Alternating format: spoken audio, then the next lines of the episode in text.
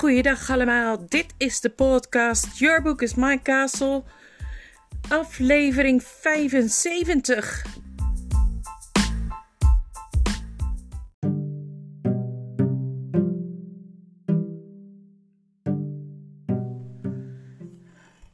Jawel, lieve luisteraars, aflevering 75. Nou, wat, waar brengt ons deze avonturen allemaal? We zijn bezig met de zeereis van de dageraad, hoofdstuk 13. En wat hebben ze al niet meegemaakt? En nu gaat het nog verder. Luister maar. Hierboven staat hoofdstuk 13, de drie slapers. Er stond altijd wel wind. Maar elke dag werd dat een kalmere bries. Totdat de golven tenslotte nauwelijks meer waren dan rimpels in het water. Een uur na uur gleed het schip zo rustig voort, alsof ze op een meer voeren.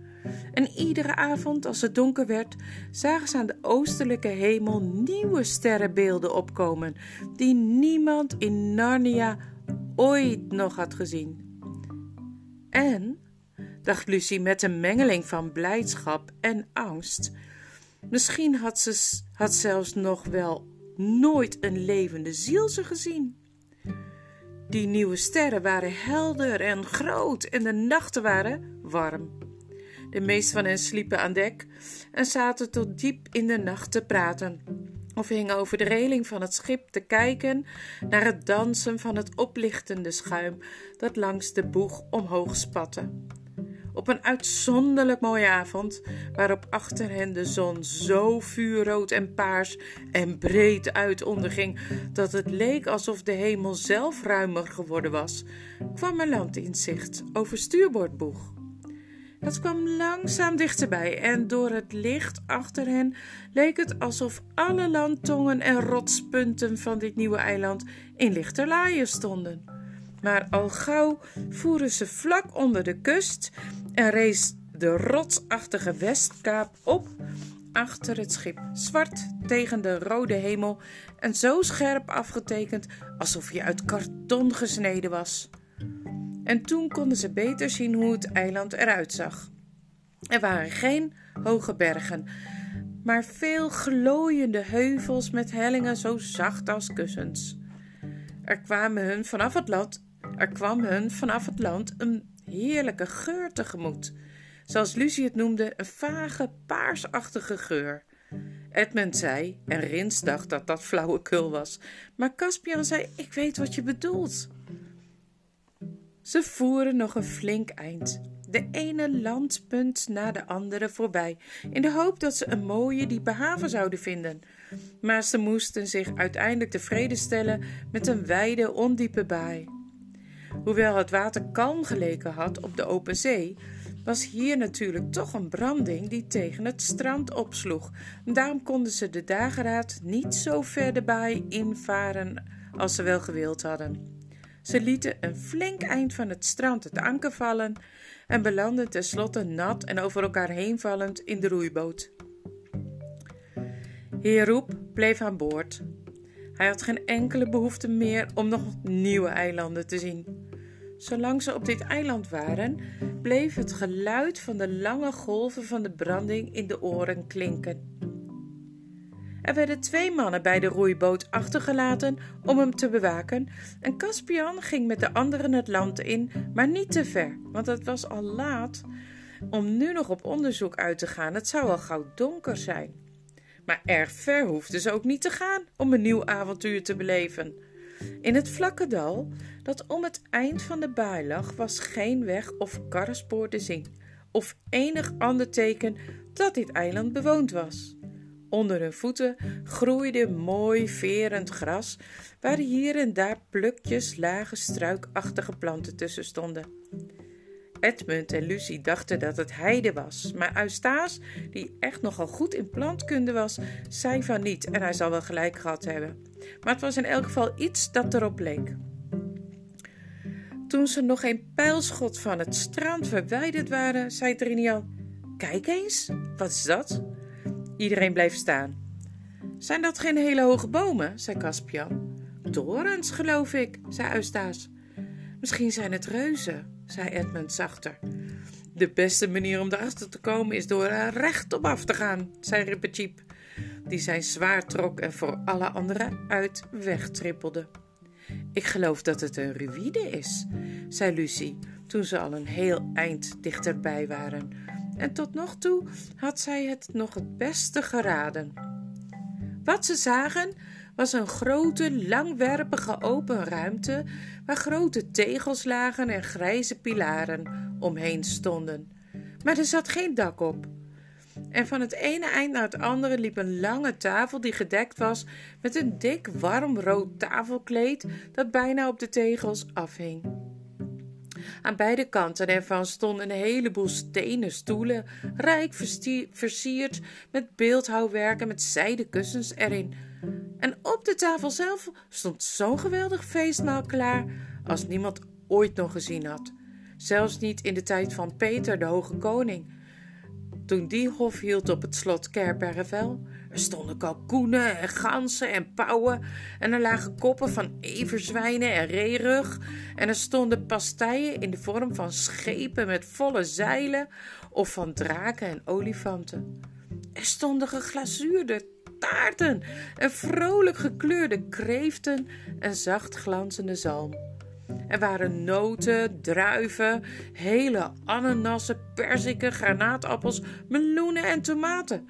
Er stonden karaffen van goud en zilver en van wonderlijk gegoten glas. En de geur van wijn en fruit woei hen tegemoet als een belofte van volkomen gelukzaligheid. Nee, maar, zei Lucie. Ze kwamen steeds dichterbij. Allemaal heel stil. Waar zijn de gasten dan? vroeg Eustace. Even mijn bladzij omslaan hoor. Daar kunnen wij wel voor zorgen, heer, zei Rins. Kijk daar eens, zei Edmund opeens. Ze waren nu tussen de pilaren door en stonden op de vloer. Iedereen keek waar Edmund naar wees. Niet alle stoelen waren leeg. Aan het hoofd van de tafel en in de beide stoelen ernaast zagen ze iets, of misschien zelfs drie verschillende dingen. Wat is dat nou? vroeg Lucie fluisterend. Het ziet eruit als drie bevers die aan tafel zitten. Of een enorm vogelnest, zei Edmund. Ik vind het meer op een hooiberg lijken, zei Caspian. Rippercheap rende naar voren, sprong op een stoel en vandaar boven op de tafel rende over de tafel er naartoe. Sierlijk als een danser zocht hij zijn weg tussen de met juwelen ingelegde kelken, hoge schalen, opgestapeld fruit en ivoren zoutvaatjes door. Hij rende recht op de geheimzinnige grijze berg aan, het eind van de tafel af, tuurde ernaar, raakte hem voorzichtig aan en riep toen over zijn schouder: Die zullen niet gaan vechten, lijkt me. Nu kwam iedereen erbij staan en ze zagen dat wat er in drie stoelen zat drie mannen waren. Hoewel het moeilijk te zien was dat het mensen waren als je niet heel goed keek. Hun haar, dat grijs was, was van voren zo ver over hun ogen gegroeid dat bijna hun hele gezicht erachter verborgen was. En hun baarden waren doorgegroeid over de tafel. Ze klommen en slingerden zich om de borden en wijnkelken heen, zoals een braamstruik zich om een schutting heen slingert, totdat ze allemaal door elkaar heen gegroeid tot één dikke mat haar, over de tafelrand naar beneden golfde tot op de grond. En het haar van hun hoofd hing over de rugleuning van de stoelen, zodat er van hen zelf bijna niks meer te zien was. Om precies te zijn, deze drie mannen waren zo'n beetje één en al haar. Dood? zei Caspian. Ik geloof het niet, sire, zei ze Rippercheap terwijl hij met beide voorpoten de hand van een van de mannen tussen de weerwar van haar uittilde. Deze is warm, zijn pols klopt. Deze en deze ook, zei Trinian. Nou zeg, dan slapen ze alleen maar, zei Eustace. Die moeten anders wel een hele tijd al slapen, zei Edmund. Dat hun haar zo lang heeft kunnen worden. Dat moet een betoverde slaap zijn, zei Lucie. Dadelijk toen we op dit eiland landden, voelde ik al dat het vol toverkracht zat. Hé, hey, wat denken jullie? Zouden wij misschien hier gekomen zijn om die betovering te verbreken? We kunnen het proberen, zei Caspian. En hij begon aan de dichtstbijzijnde van de drie slapers te schudden. Even dacht iedereen dat het hem lukken zou. Want de man haalde diep adem en mompelde: Ik ga niet verder naar het oosten. Alle riemen uit, we gaan terug naar Narnia. Maar meteen daarop zakte hij weer terug en sliep nog dieper dan eerst. Zijn hoofd hing zwaar naar beneden, nog een paar centimeter lager boven de tafel dan eerst. En al hun pogingen om hem nog eens een beetje wakkerder te krijgen, haalden niets uit. Bij de tweede poging ging het al net zo. Zijn niet geboren om als beesten te leven. Zorg dat je een reis naar het oosten maakt zolang je de kans hebt. Het land achter de zon. En zakte weer voorover. En de derde zei alleen maar: Mosterd alsjeblieft. En sliep als een os. We gaan terug naar Narnia, hè? zei Trinian. Ja, zei Caspian. Je hebt gelijk, Trinian. Ik denk dat dit het eind van onze zoektocht is. Laten we eens kijken wat ze voor ringen op, om hebben. Ja hoor, dit zijn hun familiewapens. Dit is heer Revilian. Dit is heer Argos. En dit, dit is heer Mavramon. Maar we kunnen ze niet wakker krijgen, zei Lucie. Wat moeten we nou doen?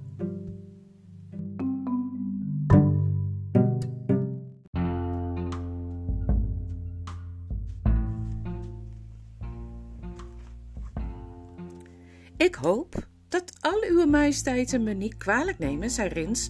Maar waarom tasten we niet toe terwijl u daar verder over praat? Zo'n etentje krijgen we niet elke dag. Om de dode dood niet, zei Caspian. Precies, precies, zeiden verschillende matrozen. Veel te veel toverij in de lucht. Hoe eerder we terug aan boord zijn, hoe beter. Reken maar gerust, zei Rippercheap, dat die drie edelen hier zeven jaar geleden in slaap zijn gevallen door van dit eten te eten. Ik zou het voor geen goud aanraken, zei Trinian. Het wordt abnormaal snel donker, zei Rijn Elf. Terug naar het schip, terug naar het schip, zei de bemanning ongerust. Ik vind echt, zei Edmund, dat ze gelijk hebben. We kunnen morgen ook beslissen wat we met die drie slapers doen. Van dat eten durven we niet te eten en dus heeft het geen zin om hier de hele nacht te blijven. Ik ruik gewoon de toverij die in de lucht hangt en het gevaar. Ik ben het volkomen met koning Edmund eens, zei Rippercheap. Voor wat betreft de bemanning van ons schip, in het algemeen. Voor, maar ikzelf blijf tot zonsopgang aan deze tafel zitten. Waarom? zei Eustace. Omdat, zei de muis, dit een geweldig avontuur is en geen enkel gevaar lijkt me erger dan het gevaar dat ik terug moet komen in Narnia met het besef dat ik een onopgelost geheim achter me gelaten heb omdat ik bang was. Ik blijf bij je, Rip, zei Edmund. Ik ook, zei Caspian. Ik ook, zei Lucie. En toen bood ook Eustace om te blijven. Dat was heel moedig van hem, want hij had nog nooit iets over zulke dingen gelezen of er zelfs maar van gehoord voordat hij op de dageraad belandde. En dat maakte dat het voor hem veel erger was dan voor de anderen. Ik smeek u, majesteit, begon Trinian. Nee, nee, edele heer. Uw plaats is op het schip en jullie hebben de hele dag al gewerkt, terwijl wij vijven maar wat geluierd hebben. Daar werd nog een hele tijd over heen en weer gepraat, maar tenslotte kreeg Caspian zijn zin. Toen de bemanning in de vallende schemering terugging naar het strand, konden de vijf die achterbleven een hol gevoel in hun maagstreek niet onderdrukken, behalve Rippertjeep misschien. Ze deden er lang over voordat ze een plekje aan die geheimzinnige tafel hadden uitgezocht. Iedereen had daar waarschijnlijk dezelfde reden voor, maar niemand zei het hardop. Want welke plaats ze ook zouden kiezen, het was nooit leuk. De hele nacht naast die verschrikkelijke, harige wezens te moeten zitten, die, al waren ze niet dood, toch ook niet bepaald levend waren, in de gewone betekenis van het woord, dat was haast niet te verdragen. En aan, de andere, aan het andere eind van de tafel gaan zitten, zodat je ze steeds slechter zou kunnen zien naarmate het donkerder werd. En zodat je niet meer zou weten of ze er nog wel zaten. En ze tegen een uur of twee misschien wel helemaal niet meer zou kunnen zien. Daar moesten ze ook niet aan denken. En dus bleven ze om de tafel slenteren en zeggen: Hier dan, iets verderop misschien, aan deze kant. Totdat ze tenslotte allemaal maar ergens gingen zitten. Een beetje in het midden, maar dichter bij de slapers dan bij het andere eind van de tafel.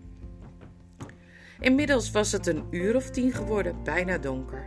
In het oosten gloeiden de vreemde, nieuwe sterrenbeelden. Lucie had liever gehad dat het het luipaard en het schip en de andere oude vrienden uit de nachthemel van Narnia waren geweest. Ze sloegen de mantels die ze op zee droegen om, trokken ze dicht om zich heen en bleven stil zitten wachten. In het begin probeerden ze nog wat met elkaar te praten, maar het gesprek vlotte niet erg. En zo zaten ze daar maar. Onafgebroken hoorden ze de golven van de branding. Na uren, het leken wel eeuwen, kwam er een moment waarop ze allemaal begrepen dat ze even tevoren hadden zitten dommelen, maar dat ze nu plotseling allemaal tegelijk klaar wakker waren. De sterren stonden nu allemaal op heel andere plaatsen dan toen ze er voor het laatst naar gekeken hadden. De hemel was gitzwart, behalve een zwak grijs schijnsel in het oosten. Ze hadden het koud en dorst. Ze voelden zich stijf, maar niemand zei iets, want nu begon er eindelijk iets te gebeuren. Voor hen, net achter de pilaren, lag een lage heuvel. Nu ging er in de helling daarvan een deur open. Door die deuropening viel licht naar buiten. Er kwam iemand door naar buiten, toen ging de deur weer dicht. De gestalte droeg een lichtje in haar hand en het licht was eigenlijk alles wat ze duidelijk konden zien. Langzaam kwam het dichterbij, totdat tenslotte vlak tegenover hen voor de tafel bleef staan. Nu konden ze zien dat het een meisje was. Ze was lang, droeg een hemelsblauwe jurk die tot op haar voeten hing, zonder mouwen. Ze was blootshoofds en haar goudkleurige haar hing over haar rug naar beneden. En toen ze haar aankeken, dachten ze dat ze nu pas voor het eerst begrepen wat schoonheid was. Het licht dat ze bij zich droeg was een lange kaars in een zilveren kandelaar die ze op de tafel zette. De wind, die eerder die nacht vanuit zee had gewaaid, moest intussen zijn gaan liggen, want de kaarsvlam stond zo recht en stil te branden, alsof hij in een kamer stond waar de ramen en de gordijnen dicht waren. Het goud en het zilver op tafel glansden in het kaarslicht. Nu pas zag Lucie dat er iets in de lengte op de tafel lag. Het was er eerder niet opgevallen. Het was een mes van steen, zo scherp als staal, een gemeen uitziend ding dat al eeuwen oud leek. Niemand had iets gezegd. Toen stonden ze allemaal op. Eerst Rippertjeep, toen Caspian, want ze begrepen dat ze een belangrijke edelvrouw was. Reizigers van verre naar Aslands tafel bent gekomen, zei het meisje. Waarom eten en drinken jullie niet? Edele vrouwen, zei Caspian, we zijn bang voor dit eten, omdat we denken dat onze vrienden erdoor in een betoverde slaap zijn gevallen.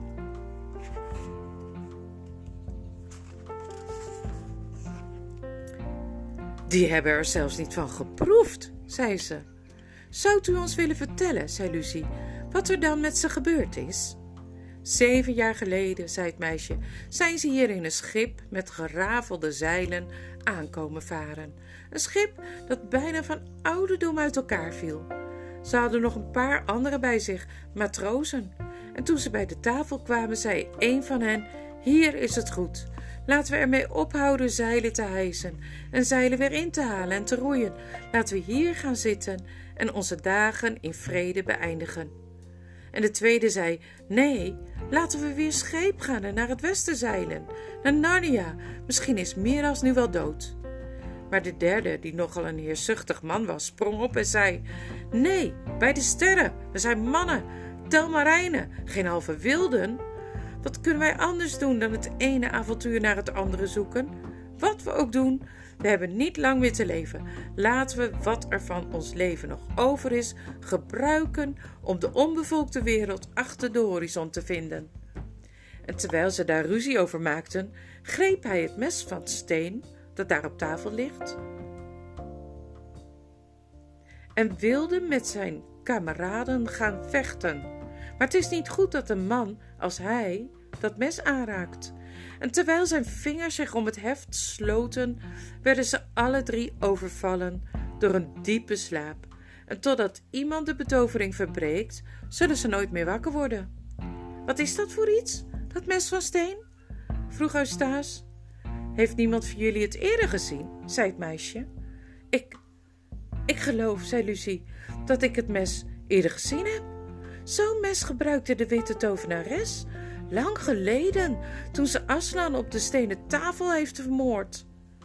Dat is hetzelfde mes, zei het meisje, en het is hierheen gebracht om op een ereplaats bewaard te worden zolang de wereld bestaat. Edmund, die er de laatste paar minuten al had uitgezien alsof hij zich steeds slechter op zijn gemak begon te voelen, begon te praten. Luister eens, zei hij, ik hoop niet dat het laf van me is dat ik niet van dit eten durf te eten, bedoel ik.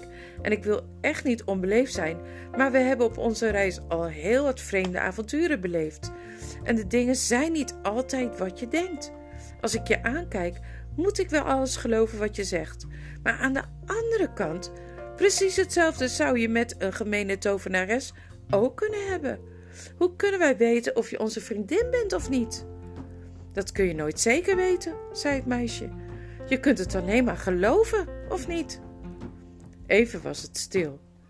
Toen hoorde ze de stem van Rippertjeep. Sire, zei hij tegen Caspian, wilt u zo goed zijn mijn beker te vullen met wijn uit die karaf daar? Hij is voor mij te groot om op te tillen. Ik wil op de gezondheid van deze edele vrouwen drinken. Caspian gehoorzaamde en de muis, die boven op de tafel stond, hield de gouden beker tussen zijn voorpoten omhoog en zei: Vrouwen, ik drink op uw gezondheid. En toen begon hij het koude pauwenvlees te eten, en niet lang daarna volgden alle anderen zijn voorbeeld. Ze hadden zo'n razende honger, en hoewel het nu niet bepaald een maaltijd was die je zou uitkiezen als heel vroeg ontbijt, smaakte het verrukkelijk als je het als een heel laat avondeten bekeek. Waarom heet dit de tafel van Aslan? vroeg Lucie na een poosje. Deze tafel is hier op zijn verzoek gedekt, zei het meisje. Voor reizigers die helemaal hierheen zijn gekomen. Sommigen noemen dit eiland het eind van de wereld, maar al kun je nog wel verder varen, dit is het begin van het eind. Maar waarom bederft het eten niet? vroeg Eustace, praktisch. Het wordt elke dag opgegeten en weer vernieuwd, zei het meisje. Dat zullen jullie nog wel zien. Wat moeten we met die slapers? vroeg Caspian. In de wereld waar mijn vrienden vandaan komen, hierbij knikte hij naar met zijn hoofd naar Eustace en de Peventies, hebben ze een verhaal over een prins of een koning die bij een kasteel komt waar iedereen in een betoverde slaap is gevallen. In dat verhaal kan die prins de betovering verbreken door de prinses te kussen. Maar hier, zei het meisje, is het andersom. Hier mag hij de prinses alleen kussen als hij eerst de betovering verbroken heeft. In de naam van Aslan, zei Caspian, vertel me wat ik daar precies voor moet doen. Dat zul je van mijn vader te horen krijgen, zei het meisje. Je vader? zeiden ze allemaal. Wie is dat? Waar is hij? Kijk maar, zei het meisje. Ze draaide zich om en wees naar de deur in de helling van de heuvel. Die konden ze nu veel beter zien, want terwijl ze aan het praten waren, waren de sterren vervaagd en er begonnen grote gaten, wit licht in de grauwe schemering aan de oostelijke hemel tevoorschijn te komen.